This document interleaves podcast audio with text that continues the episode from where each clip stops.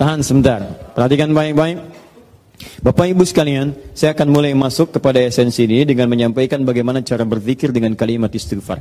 Tahan pertama. Frame terbesarnya, frame-nya dalam amalan ini disebut dengan zikir. Ingat tadi telah disebutkan di awal. Zikir itu mesti mampu mengingatkan kita dengan Allah, juga membuat hubungan kita lebih dekat dengannya. Nah, sekarang fokus. Di antara amalan zikir pasca salat adalah istighfar. Dengan mengucapkan kalimat paling singkat, Astaghfirullah, Astaghfirullah, Astaghfirullah. Sekarang kita bedah dulu isi kalimatnya. Ini Astaghfirullah. Dalam ilmu saraf, kalimat Astaghfirullah ini menjadi dibagi ke dalam tiga bagian. Satu, ada awalan menggunakan kata ista begini. Kemudian ditambah dengan akar kata ghafara. Kemudian ditambah terakhir objek harapannya kepada Allah Subhanahu wa taala. Sekarang fokus baik-baik. Ista dalam ilmu saraf itu fungsinya untuk menunjukkan salah satunya, menunjukkan pada permohonan. Meminta sesuatu. Ya, misal, izin dari bahasa Arab, azina mengizinkan, izin. Minta izin istadzana. Hasuna baik. Meminta diri lebih baik istahsana. Ghafara ampunan. Meminta ampunan menggunakan ista istaghfara. Istaghfara itu kata kerjanya. Istighfar keadaannya, kata benda atau sifatnya. Jadi kalau ini ista menunjukkan permintaan atau permohonan, kemudian apa yang diminta? Ghafara ampunan dari Allah Subhanahu wa taala. Tapi persoalannya dalam bahasa syariat tidak pernah ada kalimat ghafara yaitu ampunan kecuali disandingkan atau dilawankan kepada dosa. Ini poinnya. Jadi kalau Anda minta ampunan, Anda harus merasakan apa yang mau diampuni. Dia orang orang itu mustahil minta ampun kalau tidak ada yang mau diampuni. Paham? Ada seorang ngambil barang, tiba-tiba dipukulin orang lain. Mengatakan, ampun, ampun, ampun. Kenapa minta ampun? Untuk dihentikan pukulannya. Kenapa dipukul? Karena pernah berbuat salah. Bahasa singkatnya, jika anda memohon gufran kepada Allah, ampunan kepada Allah, itu artinya anda telah berbuat kesalahan atau dosa dalam kehidupan. Jelas? Dosa dalam bahasa Arab disebut dengan zambun namanya. Zambun.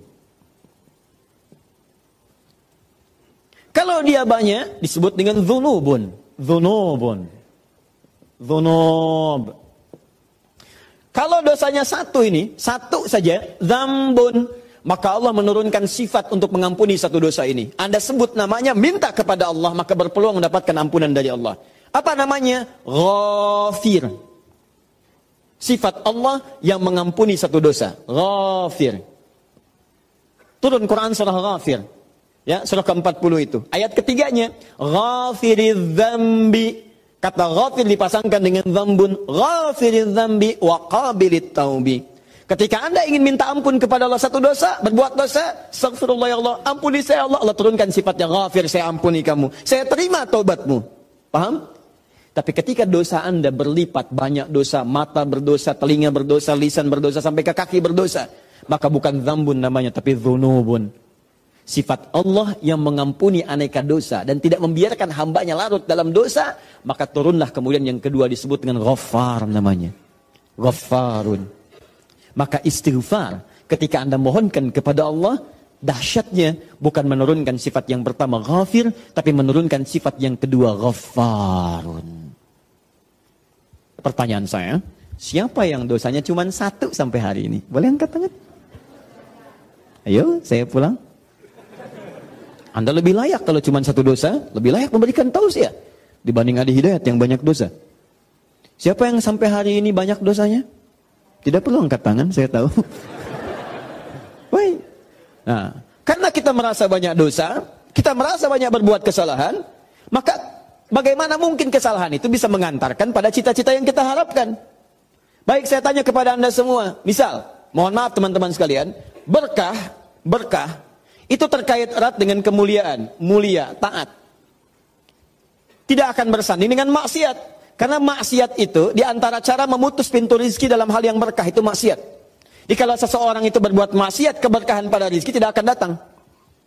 Contoh, Anda mau sodakoh sekarang, keluar dari sini. Anda temukan tiga orang.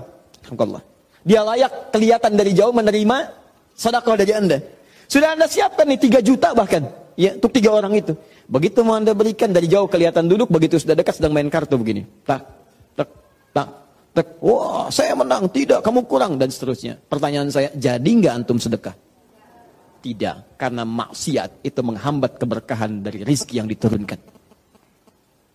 Nah, sekarang coba cek. Mungkin rizki itu belum datang ke tempat Anda, ke rumah Anda, di kehidupan keluarga Anda. Bukan Anda kurang usaha, tapi Anda kurang mampu membebaskan diri dari maksiat dalam kehidupan.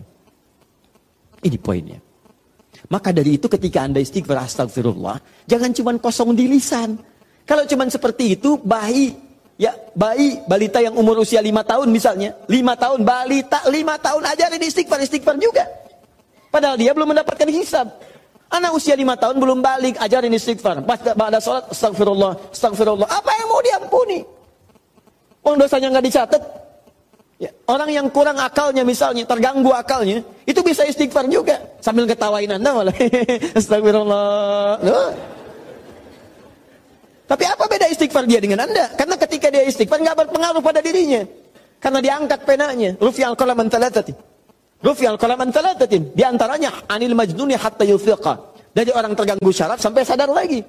Nah kita yang sadar ini saat ini. Maka ketika anda mengucapkan kalimat astagfirullah. Kata para ulama sambil diingat. Itu anda berbuat dosa apa sampai mengucapkan ini. Sampai minta ampun kepada Allah. Dosa apa yang diperbuat? Maka kalau ingin latihan, Coba urutkan dosa dari ujung kepala sampai ujung kaki. Salat yang pertama subuh misalnya. Ya jangan terlalu banyak dulu untuk dosa mata misalnya astagfirullah. Ingat-ingat mata salah apa. Jangan-jangan setiap pandangan yang Anda lakukan itu belum melahirkan keberkahan. Alhamdulillah. Bisa nggak pandangannya berkah? Ada ayat di Quran. Ada orang-orang dimuliakan oleh Allah sampai disebut kuat iman. Orang yang kuat iman, yang pandangannya itu berkah. Setiap memandang berkah, berkah, berkah. Bahkan saking berkahnya nyaman dia dalam kehidupannya. Ya, itu ada di Quran surah ke-24, punya cahaya dia. Ayat 30 sampai 31. 30 untuk laki-laki, 31 untuk perempuan. Wa mu'minina. Katakan pada perempuan laki-laki beriman, setiap lelaki beriman, perhatikan, palingkan pandangannya dari yang tidak baik. Jadi kalau orang zikirnya benar, itu dia akan berpaling dari yang tidak baik. Otomatis Pak, Bu, otomatis. Bahkan yang mirip-mirip pun dengan apa yang ia punya, belum tentu kemudian ia pandang dengan berlama-lama. Ya, misal sendal nih, pulang dari sini. Melihat sendal. Anda lupa dengan sendal Anda.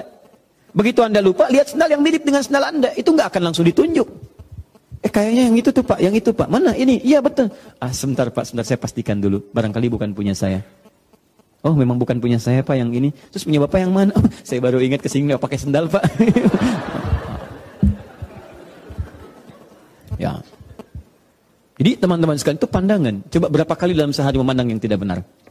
TV, handphone, gambar-gambar, itu kan? Dan seterusnya, baru keluar, memandang dengan cara yang tidak layak. Sama perempuan juga begitu. Bukan kayak 31 untuk perempuan. Wa kulil mu'minati yaghdudna min Katakan pada perempuan-perempuan yang beriman. Awas hati-hati, perempuan-perempuan yang beriman. Artinya kalau pandangan nggak dijaga, menunjukkan imannya lemah. Ya, Berapa kali ibu banyak memandang hal-hal yang tidak benar? Ya, berapa kali pandangannya melahirkan nafsu? Pandangan di mall dibawa sampai ke rumah. Ya, papa tahu nggak tadi itu ada tas bagus banget tuh pandangan di mall. Dibawa ke rumah. Baik, nggak apa-apa mah itu bagus. Tapi tas yang sekarang mengantarkan mama ke surga insya Allah. Ya, baik. Tapi kan pak kalau bawa tas itu ke surga lebih bagus lagi. ah pokoknya ada aja lah. Udah. Dah sini. Nah jadi Ketika anda istighfar, sambil diingat dosanya. Astagfirullah, astagfirullah, mata. Terus masuk ke lisan, astagfirullah ya Allah. Mungkin dengan lisan ini, maaf orang tua saya pernah menangis. Dengan lisan ini, pasangan saya pernah bersedih. Dengan lisan ini, tetangga saya pernah kabur dari saya. Dengan lisan ini, anak saya pernah menjerit. Dengan lisan ini, ya Allah, barangkali itu yang menghambat keberkahan dalam kehidupan saya. Astagfirullah, astagfirullah, astagfirullah. Setelah itu dosa anda, setelah tuntas sampai dengan ujung kaki, dosa anda pada orang tua. Suami kepada istri, istri kepada suami. Bagaimana kadang-kadang tidak baik dalam kehidupan rumah tangga, kepada anak-anak, kepada tetangga. Barangkali, mohon maaf, Hal-hal itu yang menghambat pintu kemuliaan dalam bahkan urusan dunia ini yang belum turun. Nah kalau sudah semua sekat dibuka, semua akan turun. Masih ingat tadi? Lihat di Quran surah 3 ayat 133. Teman-teman masih ingat tidak? Surga yang ahli istighfar ini disediakan untuk orang apa? Takwa kan? Jadi kalimat takwa ketika disebutkan di ayat ini, waidat silmut takin disediakan bagi orang takwa. Bukankah dimulai awal dengan istighfar? Sekarang saya tunjukkan kepada anda, kita buat persamaan. Lihat sini, kita buat persamaan. Istighfar adalah sama dengan amalan ahli takwa. Takwa bisa mengantarkan ke surga. Tapi anda jangan lupakan bahwa takwa pun membuka semua pintu keberkahan urusan dunia dari langit dan bumi. Takwa persamaannya berkah langit dan bumi. Dari mana mendapatkan persamaan ini? Di Quran surah ke-7, teman-teman sekalian, ayat 96. Walau anna ahlal qura amanu wattaqau la fatahna alaihim barakatin minas sama'i wal ard. Kalaulah kemudian ada orang-orang beriman, ahli takwa, ahli takwa, bertakwa kepada Allah, bahkan satu komplek bertakwa, satu kampung bertakwa, kami buka semua pintu keberkahan di langit dan di bumi. Semua pintu keberkahan. Jadi kalau Allah sudah buka dari mana pun dan di mana pun Anda beraktivitas, akan mudah dan nyaman Anda beraktivitas. Di rumah pintu berkah dibuka, nyaman. Di kantor dibuka, nyaman. Di kehidupan sosial dibuka, nyaman. Jadi kalau orang rajin istighfar, astagfirullah, astagfirullah, astagfirullah, maka Masya Allah, dahsyat sekali hasilnya. Jelas? Halo? Ah, jadi caranya yang pertama, awas ini, kalimat ghafar, rinci dulu. Rinci, dosa-dosanya begitu istighfar, rinci astagfirullah, astagfirullah, astagfirullah, astagfirullah. Jelas? Baik, kalau sudah nyaman dengan ini, perhatikan baik-baik. Ini ada turunan-turunannya di sini. Di antara turunannya tadi ada curah hujan yang lebat, ya. Nah, maka kalau misalnya di tempat Anda hujan sedang kering, ya, ada kekeringan, jarang turun hujan, coba dicek dulu. Barangkali hujan belum turun di tempat Anda, bukan karena curahnya aja yang belum datang. Barangkali curah maksiatnya kebanyakan. Ya, sehingga itu harus dibuka dulu, buka, lempar, lempar sehingga keberkahan turun. Maka amalan pertama kata para ulama yang dilakukan adalah coba satu kompleks, satu kampung istighfar dulu pada Allah. Istighfar, istighfar, istighfar, istighfar, lalu minta kepada Allah dengan kemuliaan, tunaikan salat istighfar, maka turun hujan pada saat itu. Ini poin ini. Demikian yang lainnya. Di satu, cara beristighfar dengan cara mengingat dosa kita di hadapan Allah Subhanahu wa taala. Dua, tahan sebentar istighfar juga mampu menghadirkan cinta Allah Subhanahu wa taala. Mampu menghadirkan cinta Allah Subhanahu wa taala. Nanti begitu saya minta dihapus ini akan dihapus jadi nanti akan diteruskan pada uh, beberapa yang lain. Sudah dipahami tadi? Ah, jadi boleh dihapus ya? Baik. Jazakallah khair. Kalau tidak saya istighfar nanti. Ya. Dua, istighfar bisa menghadirkan cinta Allah Subhanahu wa taala. Dalilnya Quran surah ketiga ayat 31.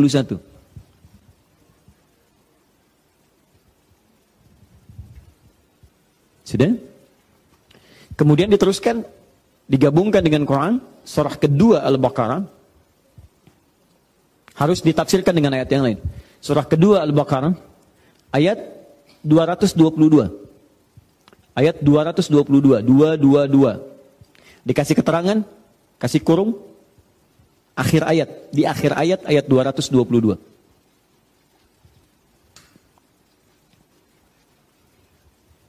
Dan dan satu lagi, Quran surah ke-40 ayat ketiga.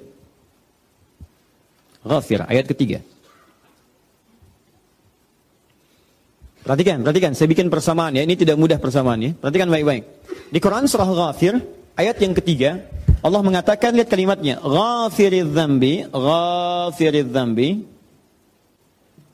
wa qabilit taubi, wa qabil at-taubi. Perhatikan sini. Ghafiriz dzambi, Allah yang mengampuni dosa. Oke? Okay? Cara ampunannya adalah dengan mengatakan istighfar. Astaghfirullah. Astaghfirullah. Fokus. Kalau seseorang kemudian memintakan ini, maka selanjutnya waqabilit taubi, maka diterima oleh Allah taubatnya. Artinya orang yang beristighfar, istighfar yang benar adalah dengan menghadirkan taubat kepada Allah Subhanahu wa taala. Taubat, persamaan istighfar adalah taubat. Maka kalau benar istighfarnya diterima oleh Allah taubatnya. Fokus. Di ketika Anda istighfar, ini rumus Quran, begitu istighfar, tadi saya katakan di awal, sambil tobat, ingat dosanya. Tobat itu kan tiga ya. Tiga cara utamanya. Mengakui dosa, dua menyesali dosa, Ketiga berjanji untuk tidak mengulangi lagi. Mengakui, menyesali, berjanji tidak mengulangi. Jadi kalau anda misalnya bertobat dengan lisan saat istighfar, astagfirullah, astagfirullah. Ingat lisan anda, akui kapan banyak berbuat salah. Sesali, setelah itu janji kepada Allah, lisan ini tidak akan lagi berkata seperti itu. Tidak gibah lagi, tidak mencela lagi, tidak menggunjing lagi dan sebagainya. Tutup, selesai episodenya berlalu, Anda kemudian ralat, Anda edit film Anda di akhirat nanti ketika ditampilkan dan ganti dengan aluran yang terbaik. Paham? Tutup. Ketika Anda melakukan itu, itu yang disebut dengan taubat. Maka Allah terima taubatnya. Istighfar yang tanpa taubat, itu hanya akan jadi lip service saja. Di lisan. Astagfirullah, astagfirullah, astagfirullah. Tapi tidak ada pengakuan, penyesalan, dan janji untuk merubah dengan lebih baik. Teruskan. Nah sekarang perhatikan. Ketika Allah menyebut istighfar dengan taubat, maka turunlah kemudian kaidah taubat. Di dalam Quran surah kedua Al-Baqarah di akhir ayat 222. Orang yang sekali taubat, sekali taubat nih waqabilit taubi taubat. Orang yang taubat sekali disebut dengan taib namanya. Taibun taib. Ahmad taib, Ahmad yang sekali taubat. Ah, misal kan? Tapi kalau berkali-kali taubat, taubat lagi, taubat lagi, taubat lagi, ya, taubat lagi, taubat lagi, taubat lagi, dosa taubat lagi, dosa taubat lagi. Yang dimaksud dia tidak putus dari salah. Jadi sering bertobat, sering bertobat. Bagaimana cara tobatnya? Balik ke sini istighfar. Ya, berpikir begini, astagfirullah. Lihat begini, astagfirullah. Berbicara mendengar sesuatu, orang lain bicara buruk, padahal dia tidak mengucapkan. Cuman karena dengar yang tidak baik, merasa telinganya salah. Astagfirullah. Sering begitu. Jalan di mobil, istighfar, astagfirullah, astagfirullah, astagfirullah. Berubah kalimatnya dari taib jadi tawab. Tawabun. Tawab. Kalau orangnya bukan satu, suaminya tawab, istrinya tawab, anaknya tawab, sekeluarga tawab, senang istighfar. Senang bertobat, senang memelihara diri. Masya Allah. Maka berubah kalimatnya dari tawab jadi tawabin tawabin. Masya Allah. Perhatikan, ketika Anda menjadi bagian dari tawabin, maka muncullah kemudian cinta Allah subhanahu wa ta'ala. Baca ujung ayatnya, ayat 222, baca ujungnya. Inna Allah yuhibbut tawabin. Oh. Sungguh Allah mencintai orang yang senang bertobat kepadanya. Jadi nanti kalau udah jadi ahli istighfar, Bapak Ibu sekalian, itu otomatis refleks. Kadang Anda tidak salah barangkali. Tapi karena hatinya sangat peka, yang salah orang karena Anda seakan-akan terlibat dalam kesalahan itu, Anda langsung istighfar. Misal, yang menggunjing orang lain, ya gibah, terdengar oleh Anda. Yang gibah sebetulnya orang itu, cuman telinga Anda, ya terpaksa mendengar itu, karena mungkin lewat dan sebagainya. Padahal yang gibah dia, tapi Anda kok merasa, ah, kayak telinga saya salah nih. Kok hari ini malah dengar ini, astagfirullah. Astagfirullah, astagfirullah. Sedang lihat TV, tiba-tiba iklan. Iklannya menampakkan sesuatu yang tidak tepat misalnya. Iklan shampoo, ya, yang nampak malah rambutnya. Padahal kan kalau shampoo yang iklan shampoo-nya, yang ini malah rambutnya. Yang rambut bukan mahram Anda misalnya. Begitu melihat itu, otomatis di sana berkata astagfirullah. Lalu mata berpaling, gadul basar. Ya, palingkan atau ganti channelnya, tak seketika. Ya, dan itu cepat. Tidak ada sesuatu yang lambat. Astagfirullah. Astagfirullah. Astagfirullah. Tidak. Ah. Jelas ya? Ah, jadi orang yang seperti ini naik status dari taib jadi tawab. Dan itu enak. Kalau sudah terbiasa enak. Astagfirullah, astagfirullah, astagfirullah, astagfirullah. Kadang-kadang jalan astagfirullah. Kadang-kadang mikir lagi kemarin saya salah astagfirullah. Istighfar, istighfar. Tawab. Dicintai anda oleh Allah. Kalau anda sudah begitu, berarti anda sebagai pribadi yang sedang dicintai oleh Allah subhanahu wa ta'ala. Dan berita baiknya, kalau hamba sudah dicintai oleh Allah, maka dia akan dijaga dari perbuatan dosa sampai kembali pada Allah Subhanahu wa taala.